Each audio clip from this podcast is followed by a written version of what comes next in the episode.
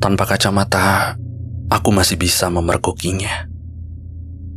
Iblis mengintip dari balik lemari baju yang sudah lama tidak pernah kubuka. Kedua tanduknya yang tajam menembus atap langit-langit yang semampai.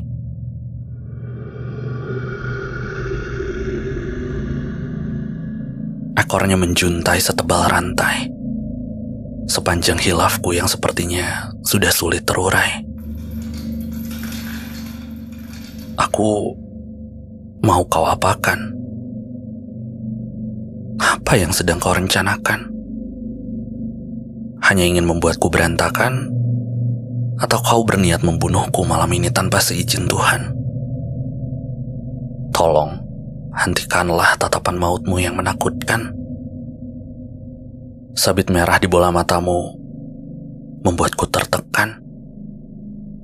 Rasa penasaranku bergidik seperti anak domba yang kehilangan induknya.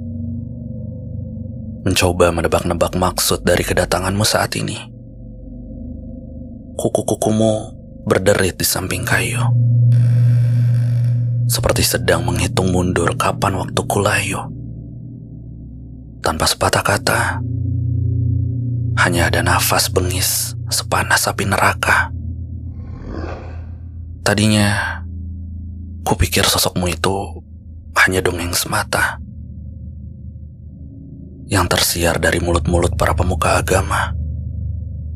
Kupikir wujudmu itu hanya akal-akalannya para pencerita yang disebar luaskan dengan narasi-narasi canggih para ulama.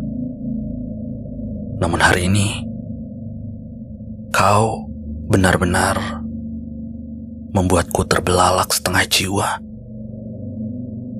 mulutku merapal mantra, membuka tabir doa-doa yang terkesan memaksa. Kupinta agar penguasa semesta segera mengutus pasukannya. Namun tak lama dari sana, iblis itu tertawa, lalu menghilang menembus daun jendela kaca, meninggalkan bau busuk yang sulit terbaca. Keberadaannya cukup membuktikan bahwa kematian itu benar adanya. Ia datang tepat janji sebagai pengingat dosa.